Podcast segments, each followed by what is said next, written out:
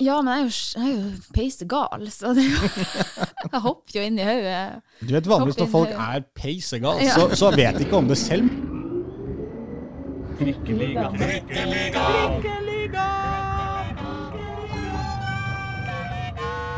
Så hyggelig at eh, du har eh, skrudd på eh, oss på øret i dag, eller i kveld, eller på morgenkvisten. Vi aner ikke når du sitter og hører på dette. Dette er Trikkeligaen, en podkast om Oslo-fotball, og vi befinner oss i dag på Intility. Ikke Aslak Borgersrud som sitter og prater akkurat nå, det er Håkon Thon. Jeg har dratt Pål Karstensen vekk fra jobb-PC-en for å lufte han litt oppe på Valle.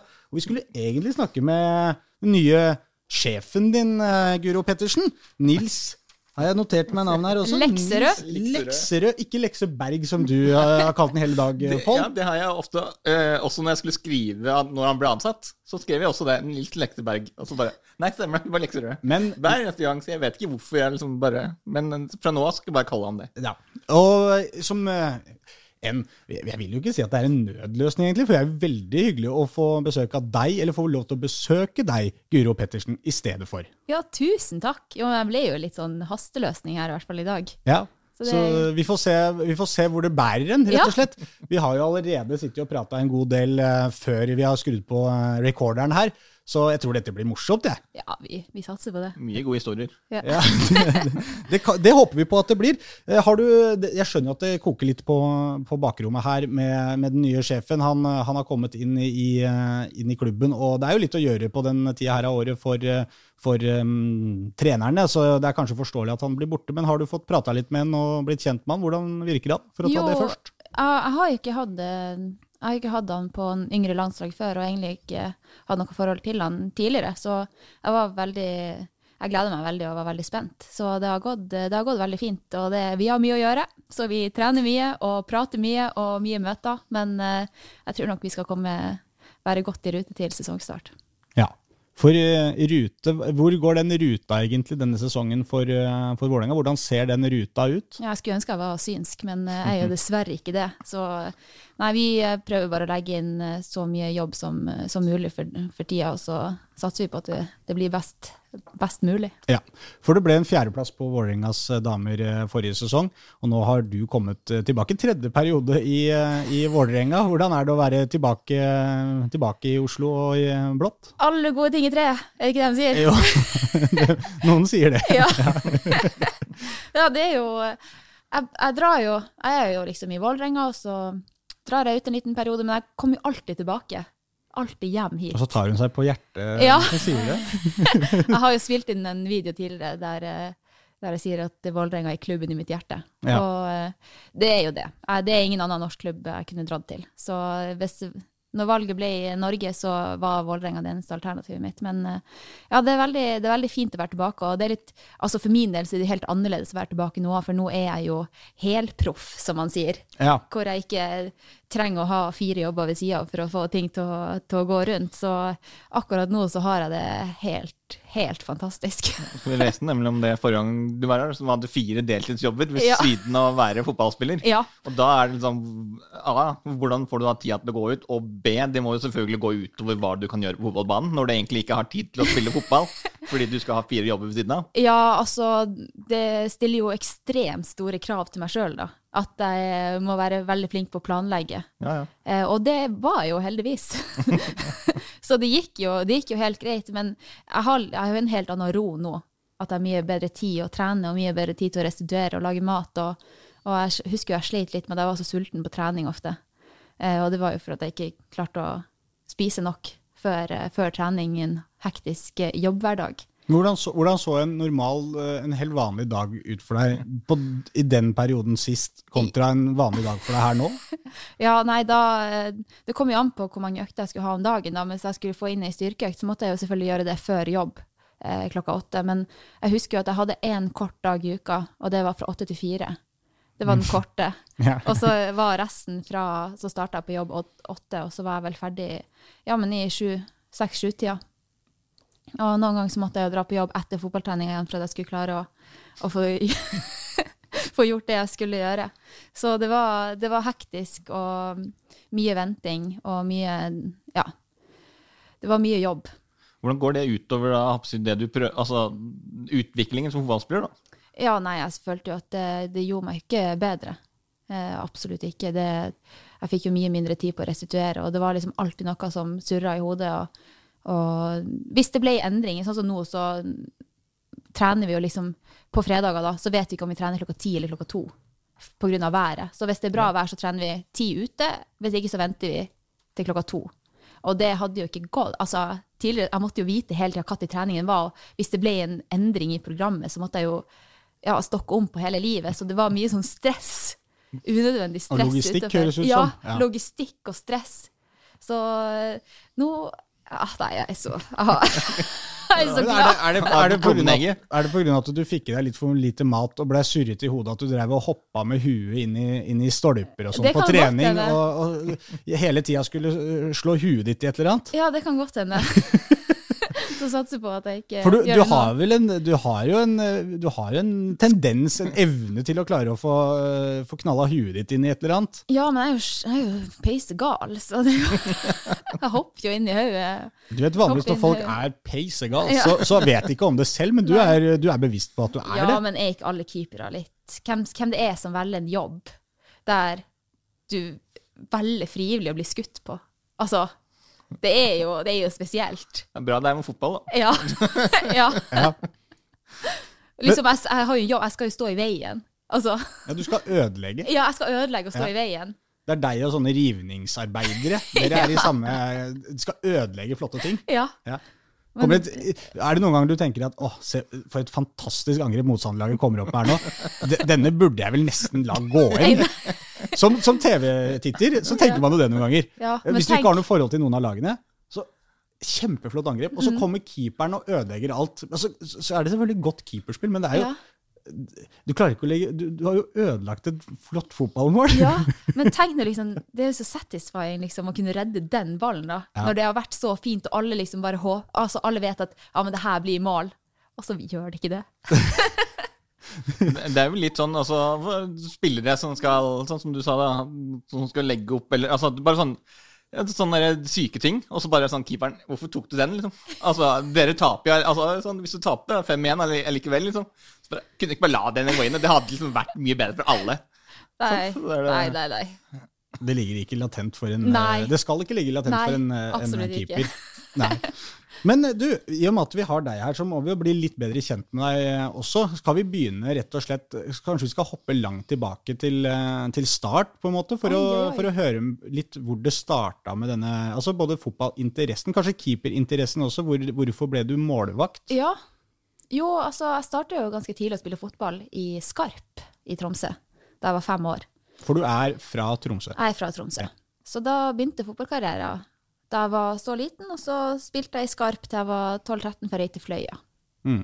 Eh, og Skjøn, på det tidspunktet der, Mm. hadde du bestemt deg for at eh, jeg har lyst til å satse på å bli fotballkeeper, eller var du på en måte fortsatt sånn dette er, eh, det er for gøy på en måte, og så får vi se hvor det bærer? Ja, så jeg satsa jo egentlig som utespiller. Det gjorde det? Ja, ja, ja. Så Eh, du, du var egentlig ikke destruktiv, eller var du midtstopper som bare Nei, nei, jeg var, jeg var jo uh, spiss og De aller fleste Og- vil jo være Ja.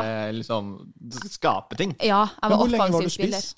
Jeg Eller ble jo ikke keeper fast før jeg var Før jeg bikka 15 år, tror jeg. Da, det var da jeg, jeg ble, bestemte meg for at OK, men nå satser jeg på keeper. For at jeg syns jo det var ekstremt artig å spille ute, og det er jo artig å skåre mål. Det, Ja. Nå ble jeg veldig forvirra her.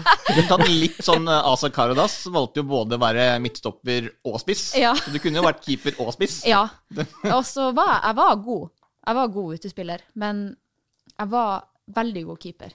Så jeg ble tatt ut først på sonesamling som keeper og utespiller.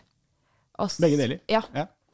Så da spilte jeg liksom litt av kampene i mål og litt av kampene ute. Og da så hadde jeg jo liksom dialog med kretsen, og, og de sa liksom også at du er god ute, du kan, du kan bli veldig god, men du er veldig god keeper. Så vi anbefaler deg å bli keeper. Så i løpet av hele barnefotballen nå, så var det jo Det var jo ingen som ville stå i mål heller Nei. Nei. når vi begynte å spille elver. Og da, jeg var jo ganske tøff. Sånn, jeg torde jo å slenge meg, og jeg torde jo, fra jeg var ganske liten, jeg torde liksom å så jeg ble jo ganske god, så jeg husker liksom at alle bare sånn 'Å, Guro, kan ikke du være så snill å stå i mål?' Vær så snill. Det, det er gøy, for det, akkurat det her tror jeg er en historie som veldig mange mennesker bærer på. Akkurat den, ikke det at du blir spurt om å stå i mål, men det at du har vært på et fotballag, og så har du en som du syns er kjempegod, men som ikke vil stå i mål. Mm. Ja. Så alle maser veldig på den ene personen. Kan ikke du bare stå Ja. en gang, i hvert fall, da? Ja. Så vinner vi dette. Mm. Og det var jo liksom på barnefotball også, så alle skulle jo spille. Sånn, I hvert fall da jeg var sånn 10-11-12 år, så skulle jo alle få spille. Men da hadde vi sånn avtale. Hvis jeg var én omgang keeper, så fikk jeg spille hele andre omgang ute.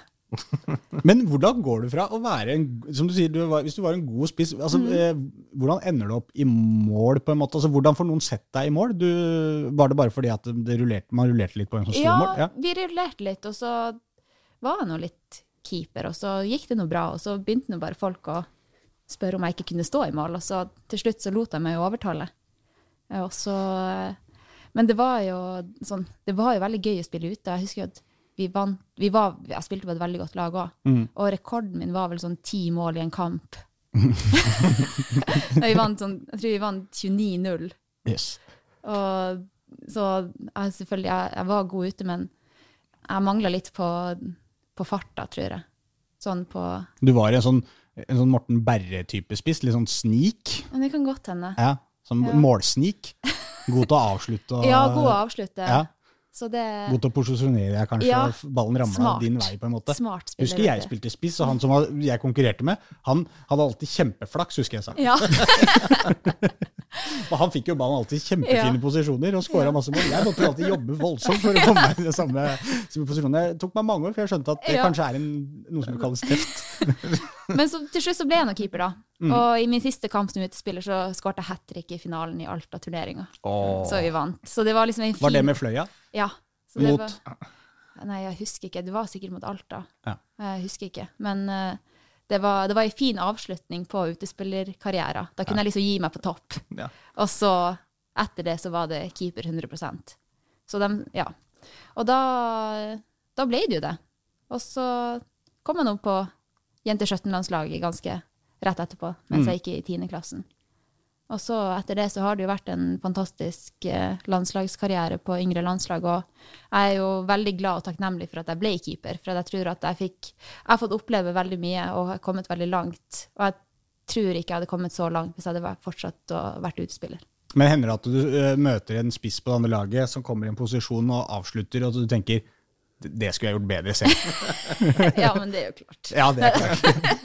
Ja da. Det, det må jo nesten være klart, fordi alle avslutninger som kommer, er jo ikke alltid like gode. Det sier seg jo selv. Nei, altså Alle kan ikke treffe perfekt hver gang. Nei, jeg mener jo at det, altså det Er det lov å si det, men det, det finnes ikke gode redninger, det er bare dårlige skudd. Ja. Nei da. Men det er kanskje en liten fordel òg, når du har liksom vært Ja. spiss og har veit litt om hvordan spisser tenker og opererer. Ja. At du liksom vet, kanskje kan sånn forutse hva spisser gjør, da. Når du har den, sånn, den ballasten. Ja, det eller kan godt det. Men jeg tar faktisk tilbake, det finnes masse gode redninger. Det gjør det. Ja, Det er vel noen som også mener at det i utgangspunktet skal være mulig å ta absolutt alle skudd også. Ja, men det er det absolutt. Hvis Ja. du står riktig, så kan du ta alle skudd. Mm. Det er jo klart. Men som keeper så kan man jo ikke eh, Altså, hvis jeg står i krysset, står i hjørnet, så redder jo alle ballene som kommer i krysset. Ja, Men i så, krysset. så er det jo et, en annen del av målet også må dekke. Ja. Så det går jo ikke an å stille seg der. Nei. Nei, ikke sant? Ja, det er jo akkurat det. Så, så det er jo alltid mulighet til å score, men det er også alltid mulighet til å redde. Ja. Fotball, altså. Ja. For et spill. Ja. Veldig gøy. Eh, da, når du, du var inne på det, du var mye på Det har vært mye eh, juniorlandslagsfotball, men A-landslagsfotball Det hadde også vært gøy å prøve, kanskje? Ja, altså Jeg, har jo, altså, jeg er jo med. Ja. Jeg har jo vært med en del på A-landslaget. Eh, fra 2012 til 2015, og fra 2020 til ja, hele 2020 og hele 2021. Så jeg har ikke fått min første kamp ennå. Men eh, det, er jo, det er jo veldig artig å være med på A-landslaget. Det er jo ja, det er jo noe som jeg jobba for i, i masse år, og den første samlinga blir tatt ut, så Nei, jeg visste ikke Jeg klarte ikke å spise eller sove Men dagen før, dagen før uttaket. Ja. Så det Nei, det er helt fantastisk å være med på, på A-landslaget, og det Nei, det er så gøy at jeg klarer nesten ikke å beskrive følelsen. Men hva, men, men hva Ja, holdt på å si Ja, beskriv følelsen, men, men altså Er det det å få lov til å reise rundt og representere Norge, kombinert med at du spiller med eh, mange gode spillere, får nye erfaringer og lærer mye av det? Er det jo. hele den pakka, liksom? Ja, eller? jeg tror liksom at det er hele den pakka. Og det er jo de fleste som Altså, det er selvfølgelig ikke alle, men jeg vil si at de aller fleste har jo en drøm om å spille på landslaget. Mm. Og når jeg tenker tilbake på liksom at jeg er liten barnefotballspiller og spiller for å ha det artig, at jeg skulle ende opp så langt som jeg har gjort, det er jo, det er jo ganske utenkelig, for det er, jo, det er ikke så mange som får lov å være med.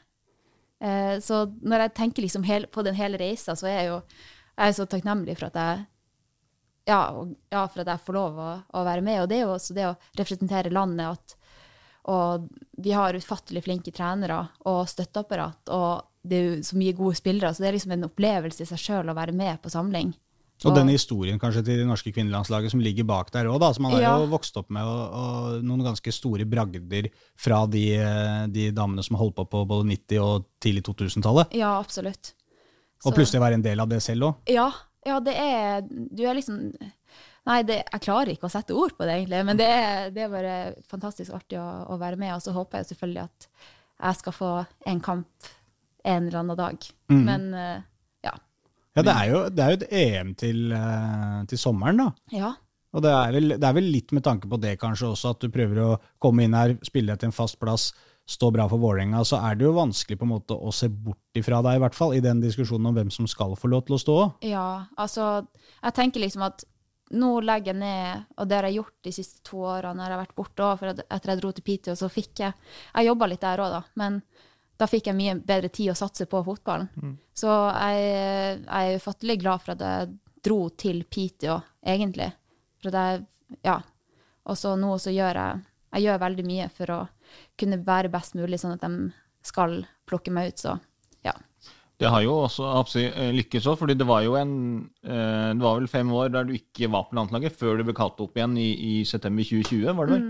Altså, altså, det beviser jo liksom at den jobben du har lagt ned i, at de ser hva du har Altså at du har utvikla deg, og at Ja. du har lagt ned den jobben som kreves. Og Det må jo også være veldig eh, givende for deg som, som spiller. Absolutt. Og det er jo sånn Alle valgene jeg tar, er jo for å bli bedre. Og selvfølgelig, når noen ser det, og man blir tatt opp på A-landslaget igjen, så, så får man jo belønning for alt strevet som har vært før.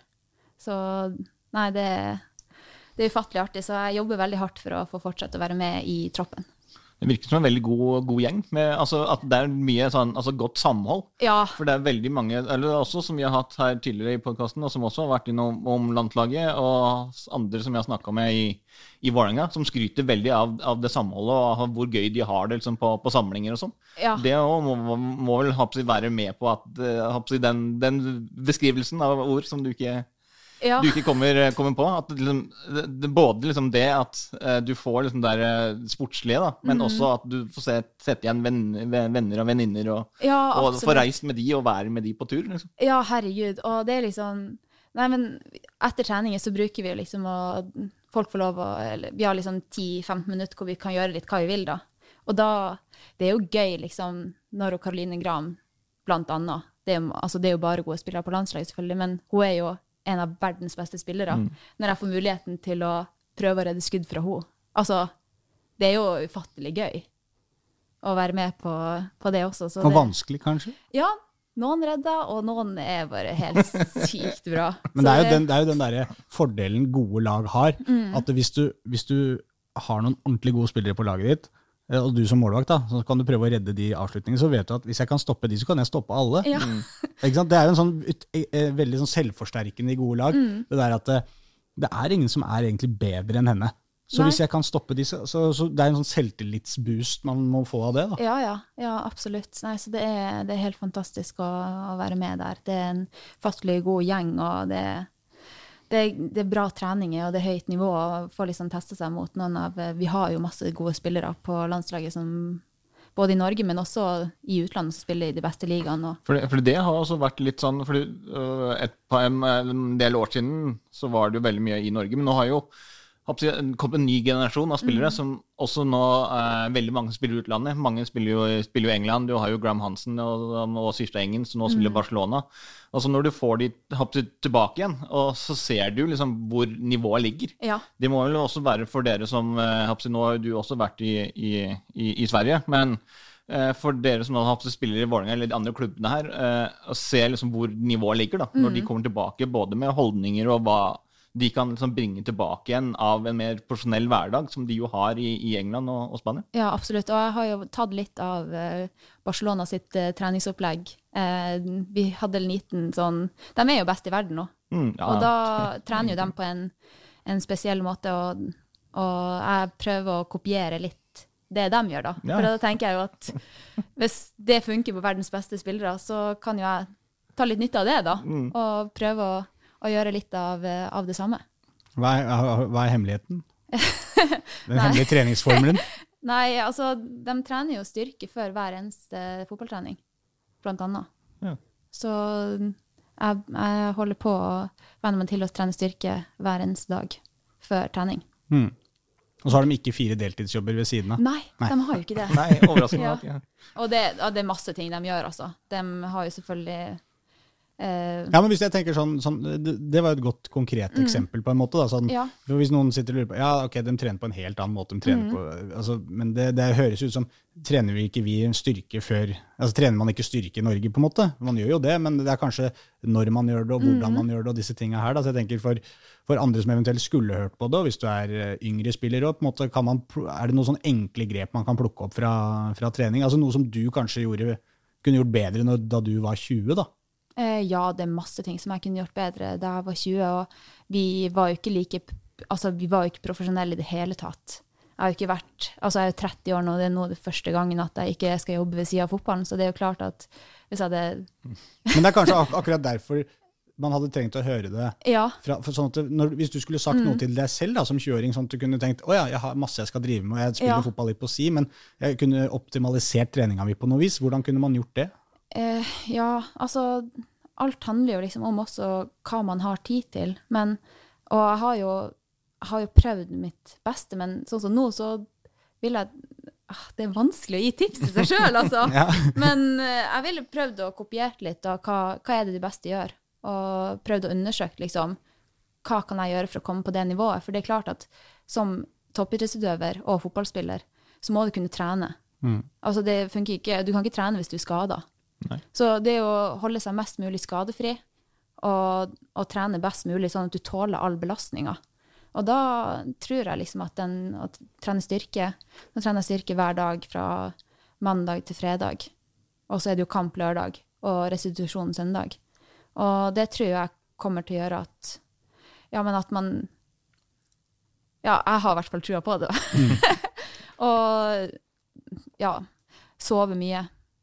Så mye? Ja, det er et flott tips. Det. Sove mye, det er veldig viktig. Og det, det var, vi snakka om det her om, her om dagen, at uh, det var noen som hadde vært på sånn talentsamling med han Erling Braut Haaland òg. Og de snakka om at han var så ekstremt nøye på å legge seg tidlig da han var yngre. Mm. Og det tror jeg også er en faktor Uh, for at han har blitt så god. Det er selvfølgelig mange andre faktorer, da. Men sove mye, spise, spise nok og, og trene, så du holder deg skadefri. Og selvfølgelig så må man liksom Altså, jeg tror jo ikke at jeg hadde klart å holde på så lenge som jeg har gjort, hvis ikke jeg hadde det artig òg. At man klarer å ha det artig òg. Ja, ja. Så jeg tenker jo liksom 80-20. 80% bra. Og så kan du ha liksom bitte litt ting der du gjør der du ikke Som kanskje ikke optimaliserer deg som for å bli den beste fotballspilleren, da, men at du har det artig òg. For det er, jo, det er jo en forskjell, det er jo folk dette her. For det er ikke fotballspillere først og Mm. Fremst, det er først og fremst mennesker. Ja. Og det er, det er jo forskjell på det. Noen, noen tenker at ok, jeg gjør akkurat som Erling Braut Haaland, og så blir jeg like god som Erling Braut Haaland. Du, du gjør ikke nødvendigvis det. Du må Mm. Jo finne som du sier, noe du trives med, en hverdag du trives med. Ja. Og om det er å legge seg tre timer etter det Braut Haaland gjør, så, så kanskje du skal gjøre det, da. Mm. Fordi at det er sånn du fungerer. Altså, det er ikke alle som uh, føl- kan følge den samme oppskriften. Men Nei. det kan være greit at kanskje du legger deg allikevel tre timer etter Haaland, men du legger deg to timer før du vanligvis Ja. ville gjort. At da kanskje du finner Absolutt. en balanse. Og det, det er ikke ei oppskrift som sier hvordan du skal bli god. Nei. For det er så ufattelig mange veier til å bli god. Og jeg, jeg har gått min vei, og noen andre har gått en helt annen vei og blitt eh, bedre og, eller like god. Så man må liksom bare Ikke bedre. Men man må liksom bare finne sin ting da, som gjør at man klarer å fortsette. For hvis man ser på toppserien nå, det er ikke mange over 30 år som fortsatt spiller. Nei, og det, det er jo eh, si, igjen, det er jo mange årsaker, flere årsaker til det, men også eh, som fotballspiller, så er det sånn at noe du gjør når du er ung, liksom, det må du også tilpasse når du blir eldre. Sant? For å holde eh, kroppen ved like andre ting du må gjøre. Sant? Du ser på eh, altså Ryan Giggs, for eksempel Zlatan Ibrahimovic, som har spilt liksom, til de er nærmere 40. Eh, og det er liksom grunnen til at de kan gjøre det i dagens klima. da. Ja. For det har stadig vekk blitt mer profesjonalisert. Det tas mye bedre vare på deg. Det er mye mer ernæring, idrettsfysiologi, alle de tingene der som gjør at du kan holde ut lengre. Sant? Og det også er jo eh, eh, viktig. For sånt, eh, det er jo ting som passer for deg når du er yngre, så er det ting som passer for deg når du blir eldre. Ja. Og sånn lærer du jo av så er det, så er det viktig at, du, at de, eh, i hvert fall for meg, viktig at de som ikke syns dette høres ut som eh, drømmelivet, bare fortsett å spille fotball likevel. Fordi vi trenger noen av de der bohemene også. Ja. Litt sånn Daniel Bråten, Raymond Kvisvik-typene. Du trenger en og annen av de også, Ja, som bare herregud. er gudbenåda, men bare kan ikke få ut fingeren og trene ordentlig. Men det er noe som jeg er faktisk veldig takknemlig for. Jeg hadde, jeg hadde jo ufattelig noen utrolig bra trenere, trenere da jeg var yngre òg. Og da husker jeg at jeg var sånn 15-16. Jeg kom, jeg var, jeg, ja, da jeg kom opp A-laget Fløya. Fløya. Jeg var ganske ung. Men da husker jeg at jeg skulle begynne liksom å trene med venstrefoten for at den skulle bli god. Og så sier treneren til meg tren heller på at du blir best med høyrefoten. Og så også, hva er du god på som spiller? Og tren på det, så du får en X-faktor. For at du kan ikke være like god på alt. Men hva er det, som- hva er, det som er spesielt med deg, som, som gjør at du er så god? Og jeg trente jo den høyrefoten min til å bli veldig god. Ja. Og jeg tror jo det er en stor grunn for at jeg faktisk var så mye med på yngre landslag òg, for at det var ingen som var bedre enn meg med høyrefoten heller. Så det var eh, Ja, det ble litt sånn ekspert. Det var jo selvfølgelig ikke bare det. Det var jo, det er veldig sammensatt å være fotballspiller. Men det er, det er fint med helt konkrete Ja. eh, ting å, ta, Ja. å forholde seg til. Så Det Du annet å si ja, vi hadde gode trenere, og Ja. Mm. de lærte meg masse. Så er det litt sånn, ja, Men dette er, dette er morsommere å høre, Ja. fordi det er en helt konkret ting. Så det er veldig mange som sier sånn, ja, men tren på det du ikke er så god på, men tren også sykt mye på det du er god på. Mm. Tren, ja. Bli best på noe, rett. Mm. og slett. Ja, prøv å bli best på noe. Ja. Det er jo litt sånn, det er jo litt sånn i Drillo- Drillo-ånd, mer eller mindre, som, et, som en enhet. Altså, Mm. vi, kan ikke være best på, på det og det, men da må vi bli best på det. Ja. Og, det, og da kan du komme langt. Mm. Vi eh, kan hoppe litt videre, men i og med at du var innom for veien din til å bli eh, bedre, Mm. vi, vi hopper rett dit, fordi jeg syns det er så gøy med at du var i Piteå. Ja. Som, eh, når vi kjørte hit, så tenkte jeg Piteå, det er lillebroren til Luleå, kanskje? Eller Ja. eh, noe sånt? Jo da, det er eh, det. Ja, det er det. Ja, ja. okay. Det hørtes jo veldig ut som det er finsk, og det er vel ikke så langt unna. Nei, det er ikke langt Så- unna Haparanda. Det er jo langt pokker i vold, for å si det pent. Ja. Er det ikke det? Men nå er jo du for så vidt født og oppvokst uh, Ja. langt pokker i vold men, uh, men, men, men sånn- hvordan ender man der?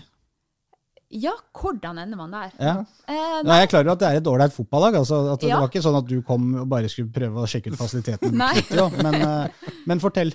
Ja, nei, eh, det var jo i 2019, og jeg drev og forhandla kontrakt med, med Vålerenga ganske lenge. Og jeg var ikke helt fornøyd med tilbudet jeg fikk. Og da ringte, ringte agenten min og sa du, det er en klubb i Sverige, Piteå. Og jeg har jo vært der masse på ferie som barn. Nei, Ja. hvorfor det?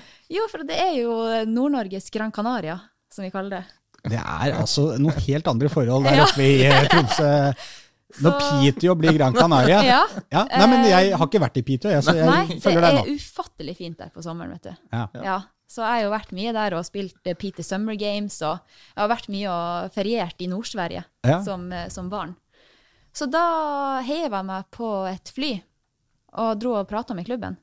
Og jeg ble veldig fornøyd med det de presenterte. Mm. Over eh, Jeg hadde en sykt bra trener der òg, og han bare la frem alt som, som de holdt på med, og jeg ble helt frelst. Og så fikk jeg to dager på å bestemme meg, og så tenkte jeg ja, fuck it. Jeg prøver Piteå. Ja. Nå har jeg muligheten. Ja. Og så dro jeg, og det vil jeg si det er det beste valget jeg har gjort til nå i karrieren. ja.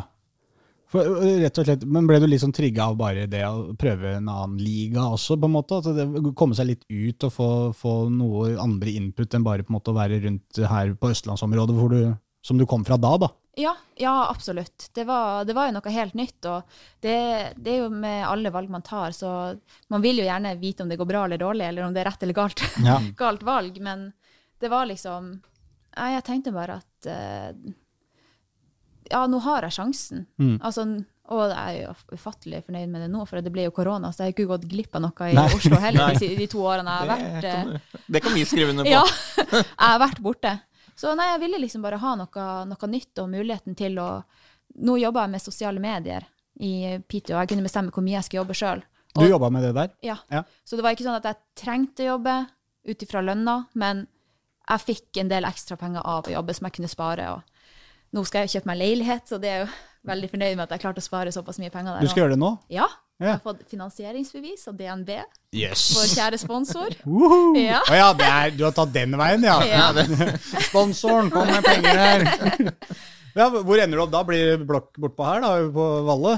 Eh, det hadde jo vært eh, fint, men vi får se hvor mye Det er ganske dyrt her. Ja, vi får se hva det holder til. Ja. Men uh, tilbake til Piteå. da. Ja. Det var der du fikk samla deg opp noen kroner uh, ekstra, rett og slett. Ja, jeg gjorde det. Men sportslig så var det jo også altså, Det Piteå-laget som du kom til, hvor, eh, hvor, hvor i terrenget på en måte i svensk fotball lå de da? Hva var ambisjonene, og hvordan hadde det gått da åra før? Nei, altså, i 2018 tok de gull, og det laget jeg kom til, var jo et helt annet lag. Vi var jo ti nye spillere i okay. 2020-sesongen og ti nye spillere i 2021-sesongen, så det har skjedd veldig store forandringer i Piteå de årene jeg var der. Men um, eh, Nei, vi, det var liksom bare om å samle sammen et lag igjen og prøve å bygge noe nytt. Det var vel egentlig det som var, som var målet, og så gikk det nå helt greit. Tålelig bra. Ja. Ja, men Var, Også- mål, var målet på en måte at man skulle holde seg? Var klubben der på en måte plutselig? Eh, på slutten så var vi jo det, Ja. men i starten så var det vel litt sånn Ja, men man vil jo selvfølgelig ta, komme høyest mulig. Mm. Men ja, det, det tar tid å bygge lag, og det, det vet vi jo. Hvordan er liksom forholdene for kvinnefotball i Sverige? For Vi så jo at det var vel også forrige sesong Altså de som vant ligaen. De og absolutt plutselig så ble klubben oppløst, liksom. Og det var eh, Altså, det, det, er litt sånne ting, men er det altså, hvordan, hvordan her er profesjonaliseringen, og hvordan er liksom eh, forholdene for kvinnefotball da, i Sverige? Ja, altså det, det er et par hakk bedre enn Norge. Ja. Det, det er det. Hva er det som er bedre? Er det bedre, mer penger i det, rett og slett? Ja, altså klubbene har vel bedre økonomi, og jeg vet ikke om det har skjedd drakten vår i Piteå. Vi vi hadde jo ikke få sponsorer. Nei, men, nei, det er sant, men svensk og finsk fotball og hockey, samme hva, det, det er jo så mye reklame Ja. på drakten at det er helt vilt. Du Ja. får jo ikke med deg noe av det. Nei. Det er akkurat som jeg tenker, dette, dette er, ja, altså, de, de får jo ikke fram noen ting, Nei. for alt drukner jo i noe annet. ja, og du ser jo ikke hvilken klubb du spiller for heller. Liksom. Nei. Nei, det er jo helt nedprioritert, det er det eneste, det eneste er liksom at uh, har du rød eller hvit eller blå drakt, liksom, og så er det bare masse reklame. og Det, det er liksom nesten umulig å finne liksom logo eller altså, noe Ja. som helst. Men, men så det, det, det var litt mer penger der, Ja, rett og slett. Ja, spillerne tjener litt bedre, Mm. og det er litt bedre forutsetninger for flere å, å kunne gjøre det bra. Men altså, vi er jo på vei i Norge òg, Mm. og nå er det jo ganske bra i toppklubbene, men jeg tror jo at klubbene på bunnen i, i toppserien har en, har en litt lengre vei å gå da, før at de er oppe og, og lukter på toppklubbene. Eh, så selvfølgelig, det er jo forskjell- forskjeller i Sverige òg, men det er, litt, det er litt bedre kvalitet. Jeg tenker på et sånt lag som kommer fra et sted som Piteå. Er det, er- er det, på en måte, er det en slags svensk damefotballpionerklubb av noe slag? Altså Er det et, lag som har, eh, som har vært store fra starten på en måte i svensk fotball, eller er det et sånt, eh, noe som ble satsa på litt Altså Er det Røa, eller er det Avaldsnes, på en måte? Ja, det er jo mer Ja, det er ikke Avaldsnes, i hvert fall. Nei. ja, jeg skal ikke ha på at jeg har spilt der. Nei. det er mer, altså de starter jo i, i, i Herregud, jeg er helt språkforvirra etter å ha bodd i Sverige. Du kan ta det på svensk. Ja. I lavere divisjoner. Ja, Og så har de jobba seg oppover, og så har de vel vært oppe siden 2011 eller 2012. Ja, ok. 2009 2009, står det her i hvert fall. i. Damallsvenskan. Ja. Reached for the first time i 2009. Ja, og så rykka de vel ned igjen. Og så, etter de rykka opp i 2011, så har de vært der. Ja. Vant ligaen ja. 2018. Ja. Men hvordan er Piteå som sted å, å bo et par sesonger? Det var Hey. åpenbart veldig bra, da. Ja. Når det Ja, er, men Det er jo noe annet å dra på ferie til Gran Canaria enn å bo der, Ja. på en måte. Jo, det er veldig liten by. Det var 20 000. Ja. Litt rett over 20 000 som bor i, i Piteå. Så det er en veldig liten by, og jeg fikk jo veldig mye bedre tid til å satse på fotballen og være profesjonell fotballspiller. For at, ja, men jeg bodde tre minutter unna stadion, og bodde tre minutter unna matbutikken og tre minutter unna alle på laget. Ja. så det blir jo veldig sånn fint samhold i laget, og, og Nei, jeg fikk jo veldig gode venner der. Og så var det jo sånn, noen som jobba i styret da, i Piteå, som nesten adopterte meg, da. Så jeg fikk jo en svensk familie òg. Å, Jeg fikk jo fire nye søsken. Og, som du fortsatt har kontakt med? ja, Ja. ja, ja, jeg har kontakt med Jeg snakka med dem i går. Og en svensk mamma og pappa og svensk hund. Og, ja, Så de inviterte meg med overalt, og det var, det var veldig fint. Men var dette noe arrangert av klubben, på en måte? Nei da. Nei. Eh, hun var i styret, og så Ja. ble vi bare så gode venner alle sammen. ja Og så- Stakkars hun fra Norge, liksom. Vi må ta vare på Ja, henne. ja, men litt sånn. Ja. At de prøver jo også liksom at å gjøre, sørge for at vi har det bra. Men er det sånn i en uh, såpass liten by, da, for å kalle det det, eh, at uh, når du spiller på laget der og går rundt i byen, er det sånn at er klubben såpass kjent i den byen at man blir, kan man bli gjenkjent på noen måte? At Ja, ja, det ja. er mange som prater med deg om, om ting som skjer? Ja, ja. Og det, det var det første som skjedde da, jeg kom til Pite. Og så første jeg gjorde var liksom etter jeg kom fra flyplassen, var å dra på butikken. Og så er det en fyr som stopper meg på gata, og så svarer jeg på norsk. Så sier han, hva du? Altså, hva gjør du her i Piteå? Så sier jeg, nei, jeg skal spille fotball. Å, herregud. Og så begynner han liksom å be foran meg. Han bare står på gata og ber foran, eller sånn der, ja, hyller meg. Ja, ja. Sånn, sånn som de gjør på, gjorde på Kamp nå med Messi, på en måte? Ja, ja, ja. Det var sånn. Så det var liksom Ja, da jeg gikk på gata, så jeg måtte skrive noen autografer, og folk visste Men er det sånn at damefotball i Pito er det på en måte det store idrettslaget i byen? på en Ja. måte, Damelaget i Ja, fotball? Ja. I Pito er det flere jenter enn gutter som spiller fotball. Så der er det litt som Avaldsnes igjen, på en måte, kanskje? Nei. Nei. Nei, men du skjønner hva jeg mener. Det er Ja. et mindre sted, og så har du en, eh, får du opp en dame... Det er jo ofte veldig god grobunn for eh, damefotballklubber i byer som ikke har så mye konkurranse fra, i Sverige for eksempel, da, fra mm. ishockey eller fra et herrefotballag som gjør det kjempebra. Hvis det er en, en by som på en måte er litt sultefòra på Ja. Å skulle å få litt idrett, så er det ofte veldig god grobunn for, for, eh, Ja. for damefotball. Og så Ja, men det var jo litt sånn annerledes, da. For da jeg kom dit, så fikk jo Vi fikk jo de beste treningstidene, og Ja. vi hadde Det var veldig Det var helt nytt. Jeg har aldri opplevd før å bli behandla bedre enn herrelaget. Mm. Det har jeg. Å ja, dere var det òg, ja. Dere var over dem òg. Ja, ja. Ja. Vi, ja, ja vi, vi hadde jo delt jo samme bane som dem, så vi ble jo behandla vi ble behandla best i klubben, og Ja. fikk liksom mest tilrettelagt. Mens, mens jo- herrene gikk ut i avisa og var misfornøyd med at de ble nedprioritert av Nei da, de, eh, De de gjorde det. ikke det. De forsto det, de Ja. spilte jo i noen divisjoner lavere. Ja. Så det var jo helt, helt naturlig. Mm. Så det var, det var en ny opplevelse, så det var, det var veldig fint. Vi sirkler jo veldig rundt grøten når vi har kommet til Piteå. Det er liksom kjedelig, men man må liksom alltid innom det målet ditt eh, Ja. mot Linkjøping. Linköping, da. Ja. Som, eh, som du dunka inn fra midtbanen og ble kåra til årets mål forrige sesong. ja. Det var jo, eh, vet ikke Hvis noen ikke har sett det, det så har du jobba godt. og Da tror jeg nesten ikke du hører på denne podkasten heller. Men eh, det er jo et frispark fra men Den ligger mer eller mindre akkurat på eh, midtstreken. ja, den gjør det. Ja, og så øh, kliner du til. Og der, der får du vel kanskje igjen for å ikke trene så mye med venstre, men trene masse med Ja. høyre. For den sånn, øh, endelig tenkte liksom Ja, Ja. ja, takk skal dere ha, Ja. i, trenerne mine for 15 år siden, der, at dere gjorde det, så jeg kan vinne Ja. det målet her. I, Ja. Ja, men du, når, når, du- når du idet ballen forlater foten din, Mm. så tenker jo jeg, og, og ganske mange, med meg sikkert, og sikkert også keeperen på motstanderlaget, at dette er vel et innlegg. Altså, Den skal jo pumpes inn i feltet. Og det ser jo egentlig ut som det, men den, den på en måte, litt som en skiflyver i Vikersund. Så bare skyter den, fortsetter å skyte fart framover. Den detter aldri ned før den bare perfekt daler ned bak keeperen. Ja. Altså, det, det første spørsmålet er vel Ja. øh, liksom, Prøvde du på å score? ja, jeg var litt skuffa at den ikke havna mer i krysset. Ja. ja du limte den helt oppi, ja. Ja, det var, det var litt Så det egentlig var litt bom? litt, Ja. Sleivtreff. Ja, sleivtreff. Jeg vet at dette er et skikkelig dumt spørsmål, for jeg husker jeg skjøt et frispark en gang på sjuerfotball som datt litt sånn som den. Ja. Fra midtbanen på sjuer, da, riktignok, Ja. men borte i hjørnet. Og så fikk jeg spørsmål etterpå. Prøvde du å score? Nei, jeg prøvde egentlig å treffe Martin. Ja. Og da kom treneren bort. Det må du ikke si! Du må Nei. jo si at du skøyt! ja. Så det, jeg følger samme taktikken Ja. som treneren din anbefalte. Ja, Ja. ja. Jeg hadde gode trenere, jeg òg. Ja. Men jeg rakk liksom For det tar jo ganske lang tid før ballen går i mål. For det er jo ganske langt unna. Så jeg rakk liksom å bli bitte litt irritert på spissen vår som ikke heada den inn. Før at jeg så den går over hodet hennes og rett i mål. Så ja, sånn, ja. Å ja. Ja, ja, men det, Ja, ja, men det var jo det var like greit. Ja. Men noe du ikke har trent så mye på, er jo feiremål. For det, ja. du, du, når du ser på klippet, hvis du får med deg det, så du bare egentlig tverrvender og løper hjem igjen. ja. Det, er bare sånn, det viktigste er at når det ikke kommer en mål bak Ja. deg, Der var det gjort, liksom. Ja. Sånn, og så tilbake. En vanlig dag på jobben. Ja. Ja. Løp opp Muffaen der, Ja. legge et mål i Sette et Ja. frispark i mål, løpe tilbake ja, igjen. skal vi starte igjen? Kom igjen. Kom igjen. Men det er jo på en måte forståelig, og fordi tidspunktet eh, tidspunkt i kampen, det er vel overtid eh, Ja. når du skyter, og dere ligger under med øh, dere ligger med ett etter du har scora det, Ja. så dere må ha et scoring til. Så det er jo sånn sett litt forståelig. Ja. Og jeg jubler aldri hvis jeg taper. Sånn er det bare. Nei. Men det er klart, altså den, den skåringa der hadde fortjent ei lita feiring. Ja, En liten knyttneve, Ja. i hvert fall. Men eh, jeg er jo ikke så vant til å skåre. Eller det er jo mange år siden jeg har gjort det nå. Ja. Så jeg har jo kanskje glemt litt hvordan man feirer. Så eh, Du hadde jo god erfaring i barndommen. ja.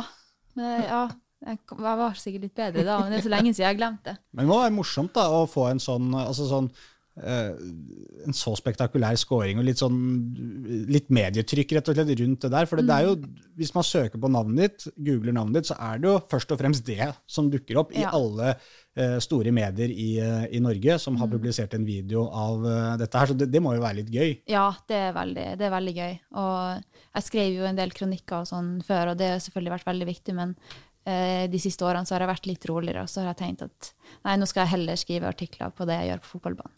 Ja. Eller at ikke jeg skal skrive, men at det skal bli skrevet om det, i stedet for eh, Så det, det, er veldig, det er veldig gøy. Mm. Ja, for det var jo litt sånn i ettertid av det, og så var det jo, eh, jeg kikka på det nå, du, du var jo også litt uh, irritert på at det var en del som hadde kommet med litt sånn sleivete kommentarer på dette her, og var litt, litt, litt stygge kommentarer Ja. på, på etter dette målet her, og det er jo en, det er en destruktiv måte å se fotball på, hvis du skal, hvis du skal henge deg opp i at et sånt mål er elendig på noe Ja. Men hva, hva var det folk var så irriterte på? Mm, nei, de syntes jo bare at det, at det var keepertabbe.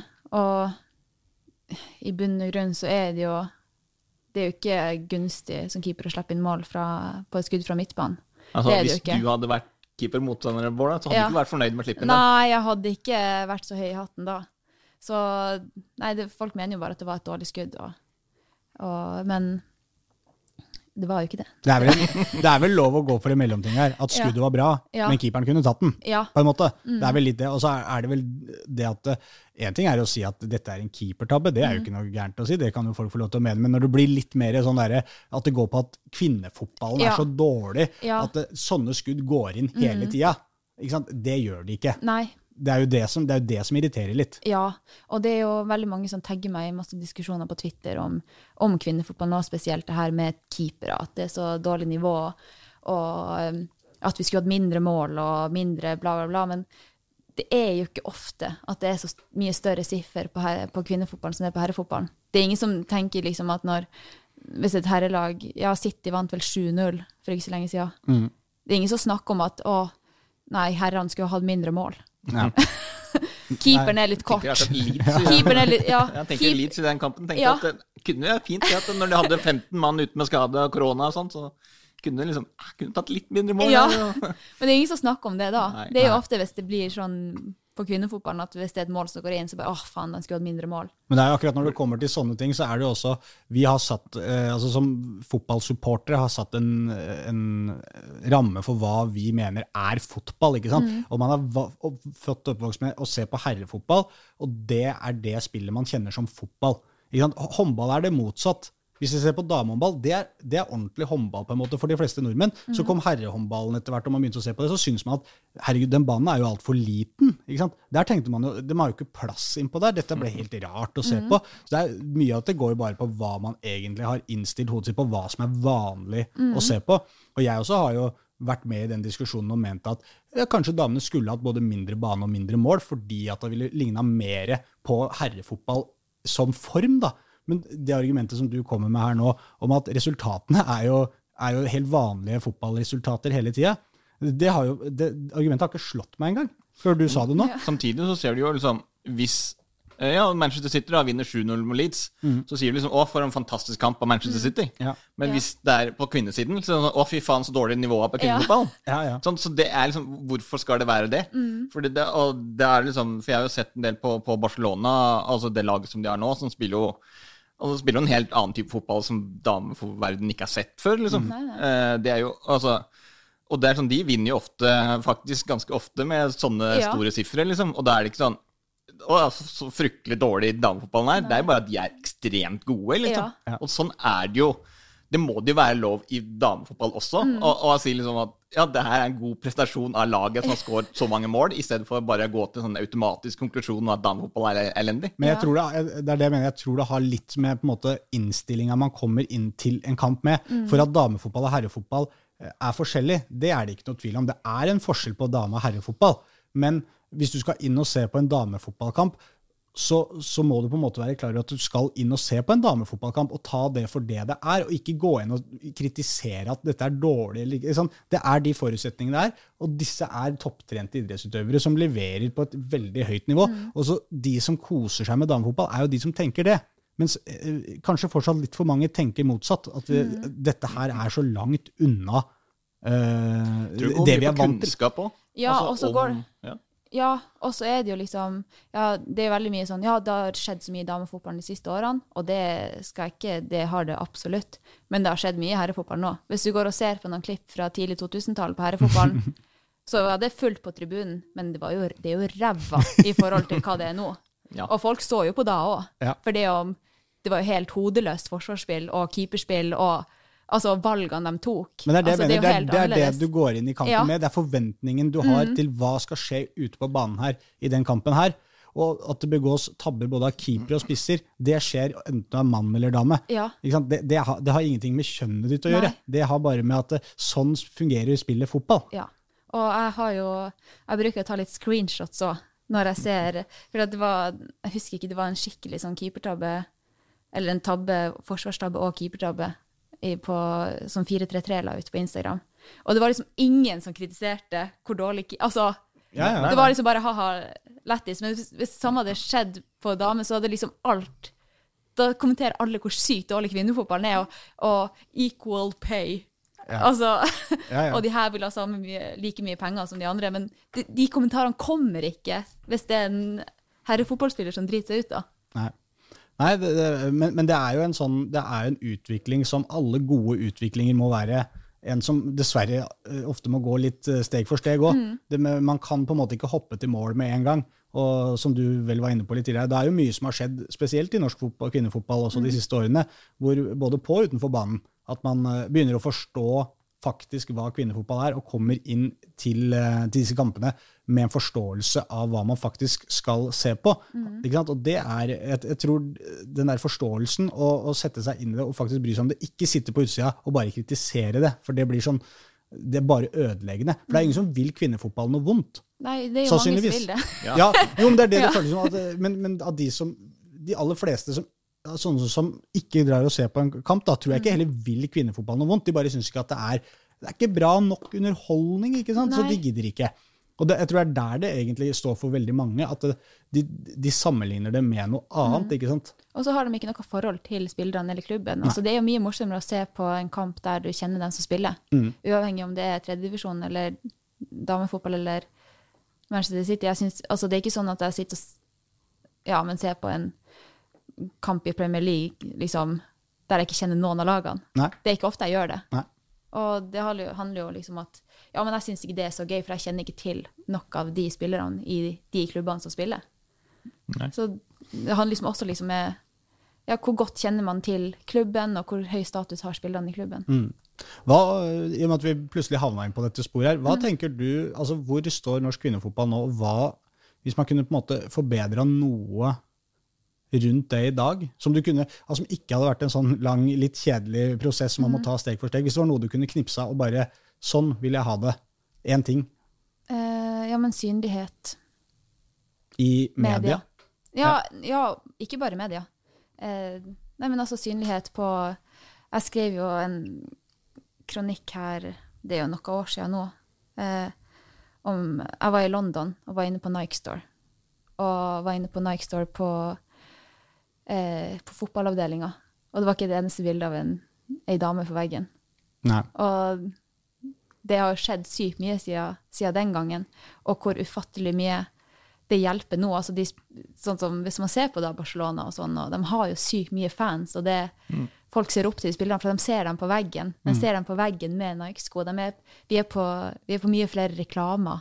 Eh, noe, altså, tidligere aldri at Adidas hadde med ei dame i en fotballreklame på et par nye fotballsko som kom ut, i en video.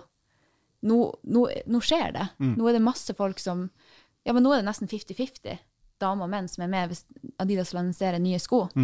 Så synlighet både i, i media og reklame, at vi blir sett, da. At folk kan se deg på veggen og bare sånn Oi. Så Og der- det er vel et resultat av det presset man på en måte har klart å legge på Ja. eh, gradvis, som gjør at eh, Adidas, eller ikke for å henge ut noen av.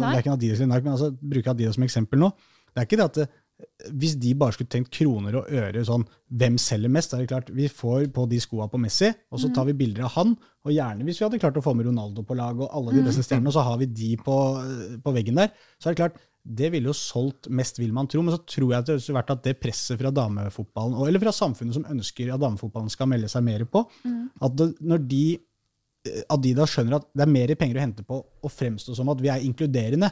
Og det smitter positivt over nå på alle som skal kjøpe fotballsko.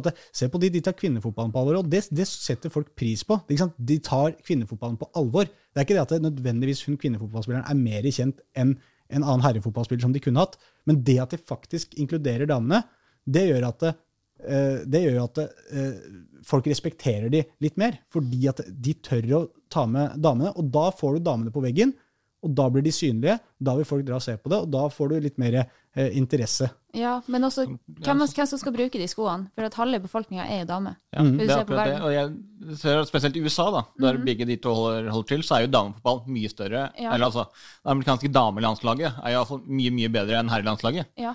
Eh, sant? Og du har jo eh, internasjonale superstjerner som Megan Rapinoe og Alex Morgan der. Sant? Og de to er jo ekstremt viktige. Eh, også, De er jo også kjente i, i Europa. Alex Morgan var jo her og spilte for Tottenham, blant annet.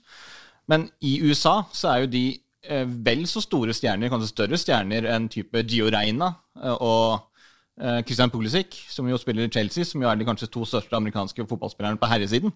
Sant? Og, og det at amerikanske jenter kan se opp til spillere som Megan Rapinoe og Alex Morgan, jeg tror det har mye mer å si enn eh, Messi, Ronaldo, eh, hva som helst. altså, jeg tror ikke det er bare det. Altså, I hvert fall for Nike og, og Adidas, så tror jeg det, de ser at her har vi profiler. Ja, men kan og vi har kunder. Vi Ja. har folk som vil kjøpe produktene våre. For det, vi skal ikke mange år tilbake før eh, de gikk, Adidas og Nike ikke lagde sko i mindre enn 39,5. Nei. Det er ikke mange år vi skal tilbake før det var helt umulig å få tak i sko. Og jeg husker liksom da Adidas kom, så kom de liksom ofte med én kvinnemodell i året. I rosa. Eller lilla. Ja. Som vi hadde muligheten til å kjøpe. Ja.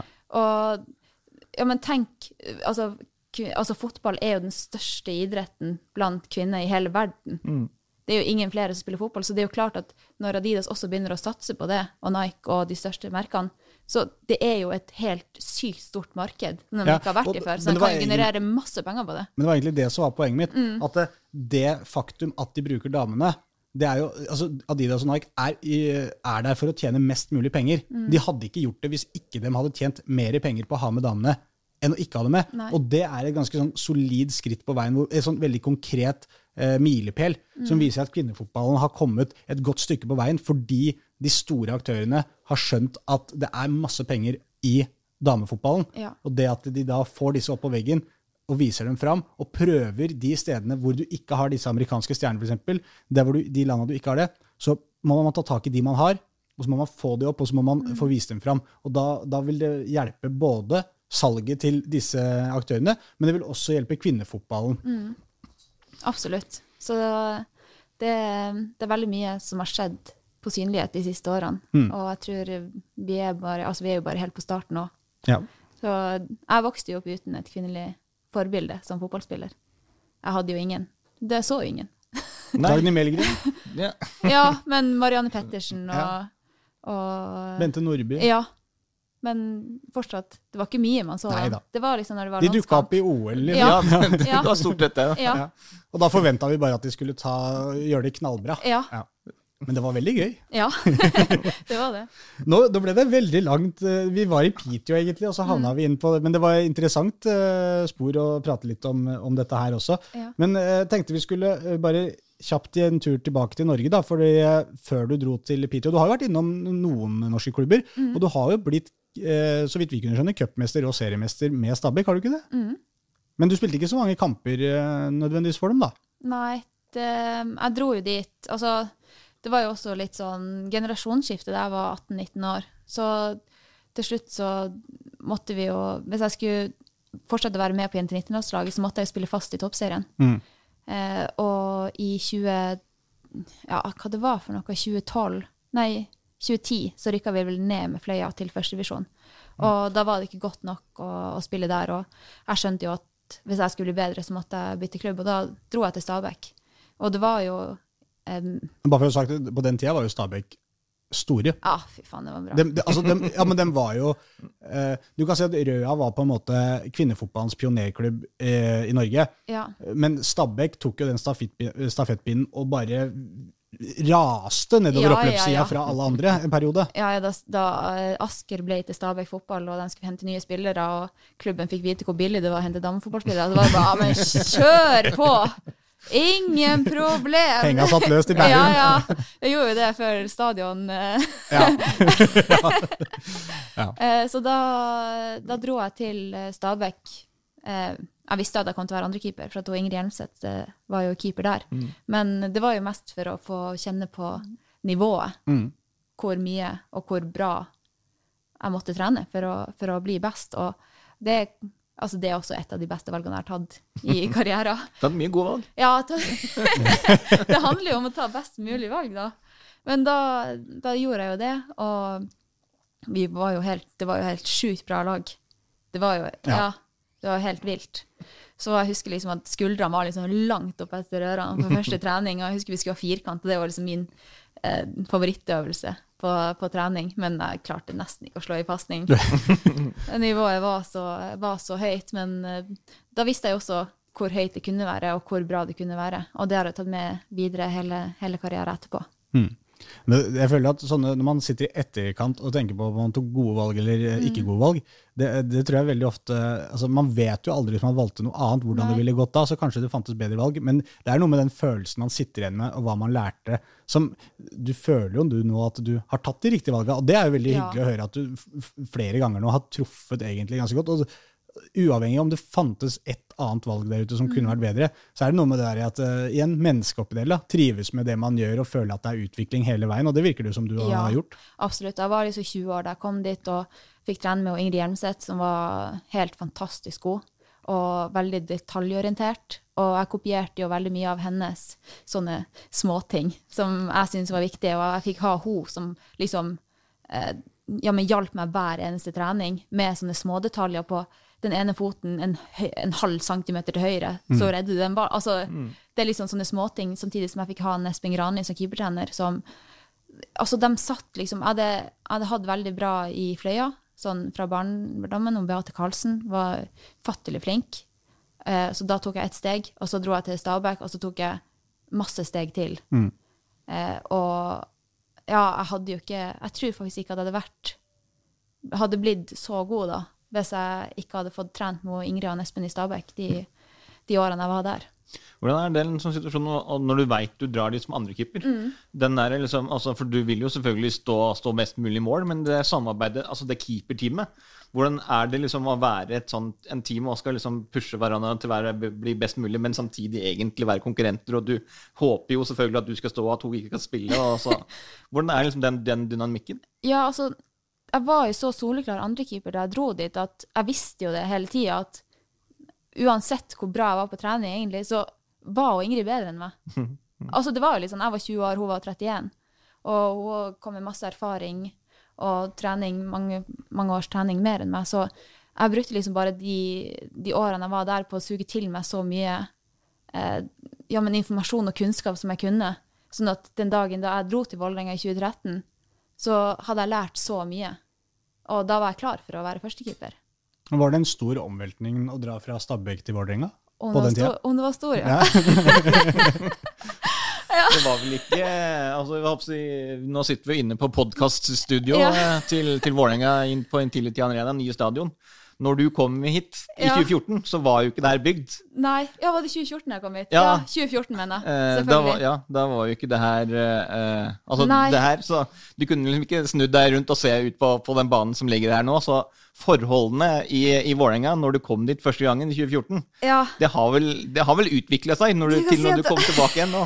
det har ikke gått trapp, at vi har tatt heisen opp til skyscraper, altså. Det, det er så store forskjeller her. Men hva var det du kom til? Eh, Jeg kom jo til et lag som besto av spillere som Vi tjente jo ingenting her, for det første. Og jeg kom jo fra Stabæk, hvor vi hadde liksom Jeg tror vi hadde elleve A-landslagsspillere Mm. på trening. Både fra Norge og, og Danmark. Og, og du ble liksom halshøgd på trening hvis du ikke slo pasninga på riktig fot. Og så kom Høyre. jeg ja, På høyre fot. ja, eller, eller venstre. Ja, det kommer jo an på hvor motstanderen er, liksom. Altså, du blir jo halshugd, så. Ja. Og da kom jeg til et lag hvor Vi var jo så fornøyd hvis vi traff hverandre. Veldig god pasning! ja. Altså, det var, det var litt sånn, og ja, jeg brukte jo litt tid. Jeg krangla jo en del med trener nå det første året, men det var jo også fordi at jeg kom jo fra jeg kom fra det beste, Mm. og jeg visste hvor bra ting kunne være, så jeg stilte ekstremt mange krav Mm. det første året for, for hvordan Ikke bare jeg ville ha det, men hvordan vi som klubb kunne, kunne utvikle oss. Ja. Og det, det blir Husker du noe, hva det var, altså hva det var du var- gikk inn på da? Hva, hva var det på en måte det eh, enkleste som kunne gi størst effekt, eller hva- altså, hva gikk du inn på der? Ja, altså, det var jo helt annerledes da. og vi, Treneren vår var jo veldig sjeldent på trening. Ok. Vi, ja, Høres jo ikke ut som det er den beste nei. løsningen. Og det kunne liksom være sånn at vi fikk beskjed om at eh, ja, men jeg og Josefine, som var keepere her, eh, Ervik, eh, vi kunne få beskjed om sånn Vi fikk først et skriv om liksom hva vi skulle utvikle oss på, hva vi kunne bli bedre på. og Det var noe helt det var kjempebra, det var ikke noe greier med det, men så kunne vi få beskjed om at sånn Ja, da kan dere to gå og ha keepertrening, og så møtes vi om 50 minutter. Og det er utrolig lite utviklende, Ja. både for meg og hun. Så det var jo de dagene han Ken ikke kunne være på trening. I hvert fall ikke hvis du ikke har en, eh, en keeper ved siden av deg som du hadde i Stabæk, som, som hadde mye lærdom å komme med, da, som kunne i hvert fall operert litt som en, eh, som en sånn guide der. Ja, men det blir også sånn Hvor mye kan man få ut av to stykk i 50 minutter Ja. før ei fotballtrening? Det var, det var mye Det var mye, mye sånne ting, og i Stabæk så var liksom alt ordna. Det var ikke det første året her. Nei. Og ting ble selvfølgelig bedre. Vi tok jo steg hele tida, og vi gjorde det jo best ut av den situasjonen vi var i, og vi hadde det ekstremt artig her. Altså, de 2014- og 2015-årene, det er vel kanskje de årene som jeg syns er de to artigste årene jeg hadde i hele mitt liv. Men Ja. det var liksom bare så de var en så sykt bra gjeng som bare gjorde det beste ut av situasjonen og hadde det skikkelig artig. Men hvor holdt dere til, og hvordan var fasiliteten? Ja, vi var jo i Valhall i en sånn liten knøttegarderobe. ja. Og jeg husker at vi prøvde å få, få vaska klærne, men det var helt umulig. Det var ikke sjans at vi fikk låne herrelaget sin, eh, sin vaskemaskin. Nei. Nei, det skulle tatt seg ut. Ja. Det, nei, det var, ikke, det var ikke nærheten. Og vi jobba jo faktisk halvvakt i Valhall. Ja. Eh, fordi at eh, første året da, i 2014, så vi var jo, Jeg tror vi var lengst ned på rangstigen i hele Vålerenga-systemet. Mm. Vi fikk jo alt av de dårligste trenings, treningstidene, så vi trente jo ute på vinteren og inne på sommeren. Ja. Så juniorguttene og juniorlagene på, herre, nei, på herresida i Vålerenga kunne få de beste Det var ikke noe klubb for å jobbe med brunfargen. Nei. Nei, jeg tror jeg aldri har vært så bleik før eh, den tida, den tida der. Så i 2015 så starta vi jo med å jobbe halvvakt i Vålerenga. Ja. Eh, så da jobba vi liksom to ganger i måneden hver.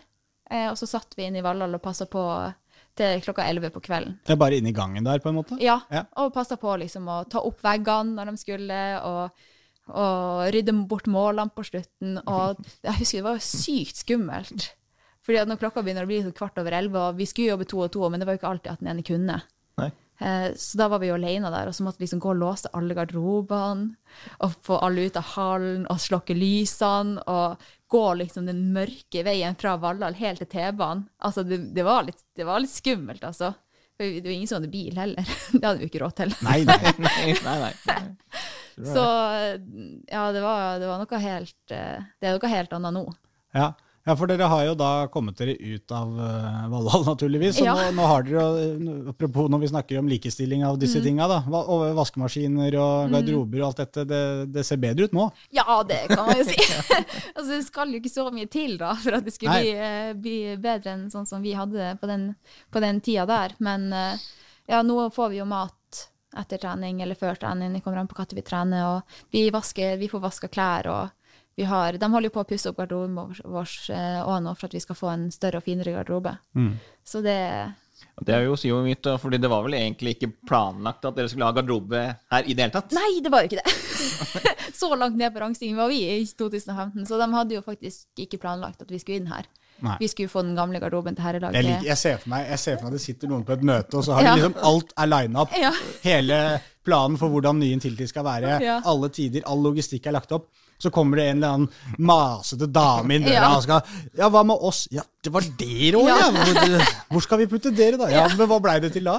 Ja, nei, de sa jo først at vi skulle få den gamle garderoben til herrelaget i Valhall.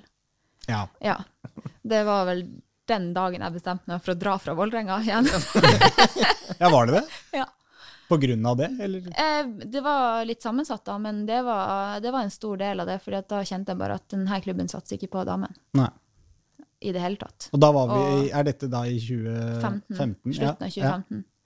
Så da, da, dro jeg, da dro jeg videre.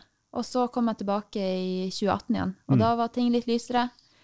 og så kommer jeg tilbake nå i 2022, og ting ser helt annerledes ut. Mm. Ja, for Vi snakka jo før vi gikk på her at dere, Mm. nå hadde dere fått eh, var det oppgradering i eh, garderoben her, var det ikke Ja. det? Du har fått en eh, var det, is, sånn iskulp eller Ja, noe sånt? Midt Det, i ja, jeg har ikke sett den ennå. Det, er jo- det er jo under oppussing, så vi får vel eh, garderoben vår i midten av februar. Jeg får noe sånn restituering og, og litt Ja. av hvert. Vi fikk bytta ut eh, herrelagets gamle balje Ja. som sto der før. ja, vi fikk jo en sånn her kulp gratis av herrelaget. Ja. For de har jo veldig fint der.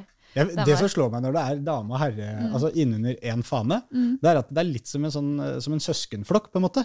Altså, du, du arver ting av Ja. eh, den eldre eh, søskenen Ja. din. I hvert fall hvis det er ja, ikke sant? At mm. broren min han, han er gått ut av den skidressen. Da er det min tur. Mm. Ja, ja det, det var litt sånn. Så nå ser ting helt annerledes ut, og det, jeg gleder meg til vi får den nye garderoben. Hva kan vi forvente av jentene i den nye garderoben denne sesongen som kommer? I garderoben? Nei, Ja. ute på banen. Altså de jentene som Det hørtes litt sånn Ja, ja, det var, var akkurat sånn. Det var Ja. jeg lo litt nå. Mye dansing og sånn i garderoben. Og, Men det er sånn, får du bedre garderober, så blir det sikkert også bedre, litt bedre stemning. Og Ja. Litt mer dansing, ja. Litt mer sånn, tar seg litt mer til ro. eh, Litt Ja. mer rette. men, altså Hvis det eh, hadde vært så enkelt at jo bedre garderobefasiliteter fasiliteter du hadde, jo bedre ble du, Mm. så hadde jo det vært en ganske enkel oppskrift. Da tror jeg vi hadde vært best i Norge. Jeg tenkte på Men den gjengen jo... som sitter i garderoben. Hva kan vi forvente av den, på en måte? Ja. Um, nei, det er jo eh, Vi er jo et nytt lag igjen. Mm. Ny trener. Um, det tar tid å bygge lag, og det er ufattelig stort potensial i, i laget og gruppa. Så det handler jo bare om å forberede seg godt nok og få ut uh, alt på banen. Mm. Er du spent? På, Ja. ja. Kjempespent. Og eh, det handler jo om å ja, men holde seg skadefri og ha flest mulig trening hele tida og bli så godt trent at, eh, at eh, ja. Da må, du passe på, da må du passe på hodet ditt, da. Ja, det gjør jeg hele tida. Jeg vet ikke, jeg så et eller annet klipp hvor det sto at du hadde tolv hjernerystelser. Er det sånn noen ganger at du, du blir litt irritert på deg selv over at er det mulig å kløne det til på den måten, liksom? Så, så meg hver gang? Ja, altså, jeg føler jo ikke at jeg kløner til hele tida, og jeg har fått et par kne og albuer i hodet som har gjort at jeg ble Ja. satt ut. Så det er vel de andre spillerne som har kløna det til Ja. for meg. Så du blir mer irritert på de andre, på spillerne som har kløna det til, enn irritert på deg selv? Ja. Ja. Ja, det er jo 100% Det er ikke min skyld.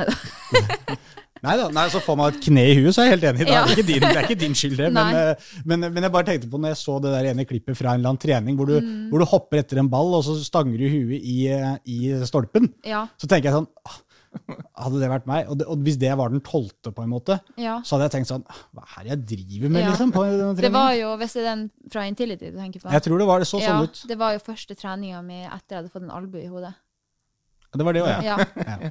Så ja, jeg skulle jo kanskje ikke ha trent så mye eh, den, den økta. Det Men du er peisegæren? peise gæren. Ja, det er jo synd, det der. så eh, ofte så, så vil man jo mer enn man kan. Men det Så- har jo brakt deg langt, da. Ja, det har jo det. Ja. Så du ville ikke bytta det huet med noen? Nei, nei, nei. Nei.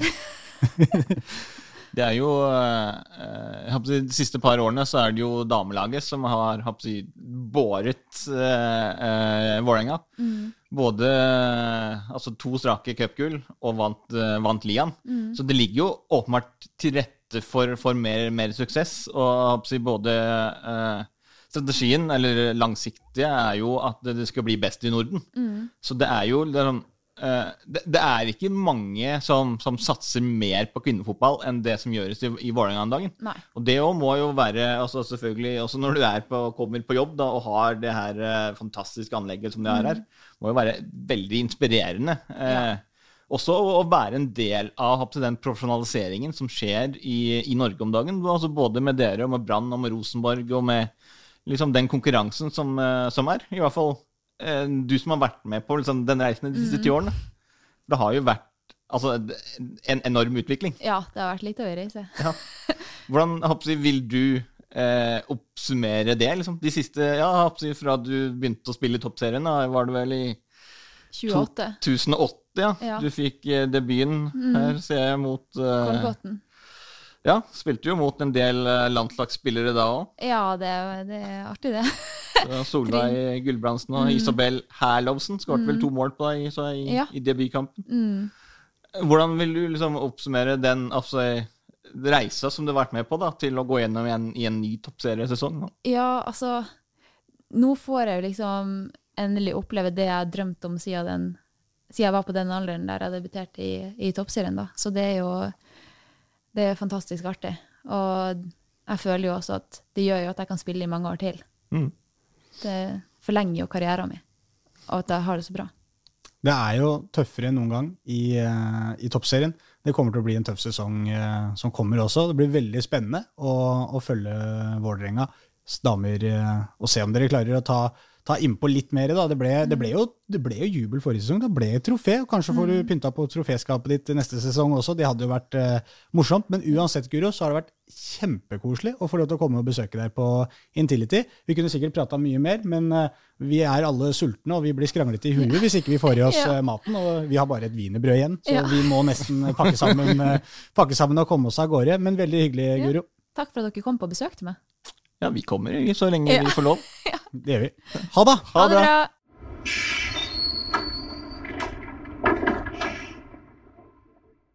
Du har hørt en podkast fra Dagsavisen.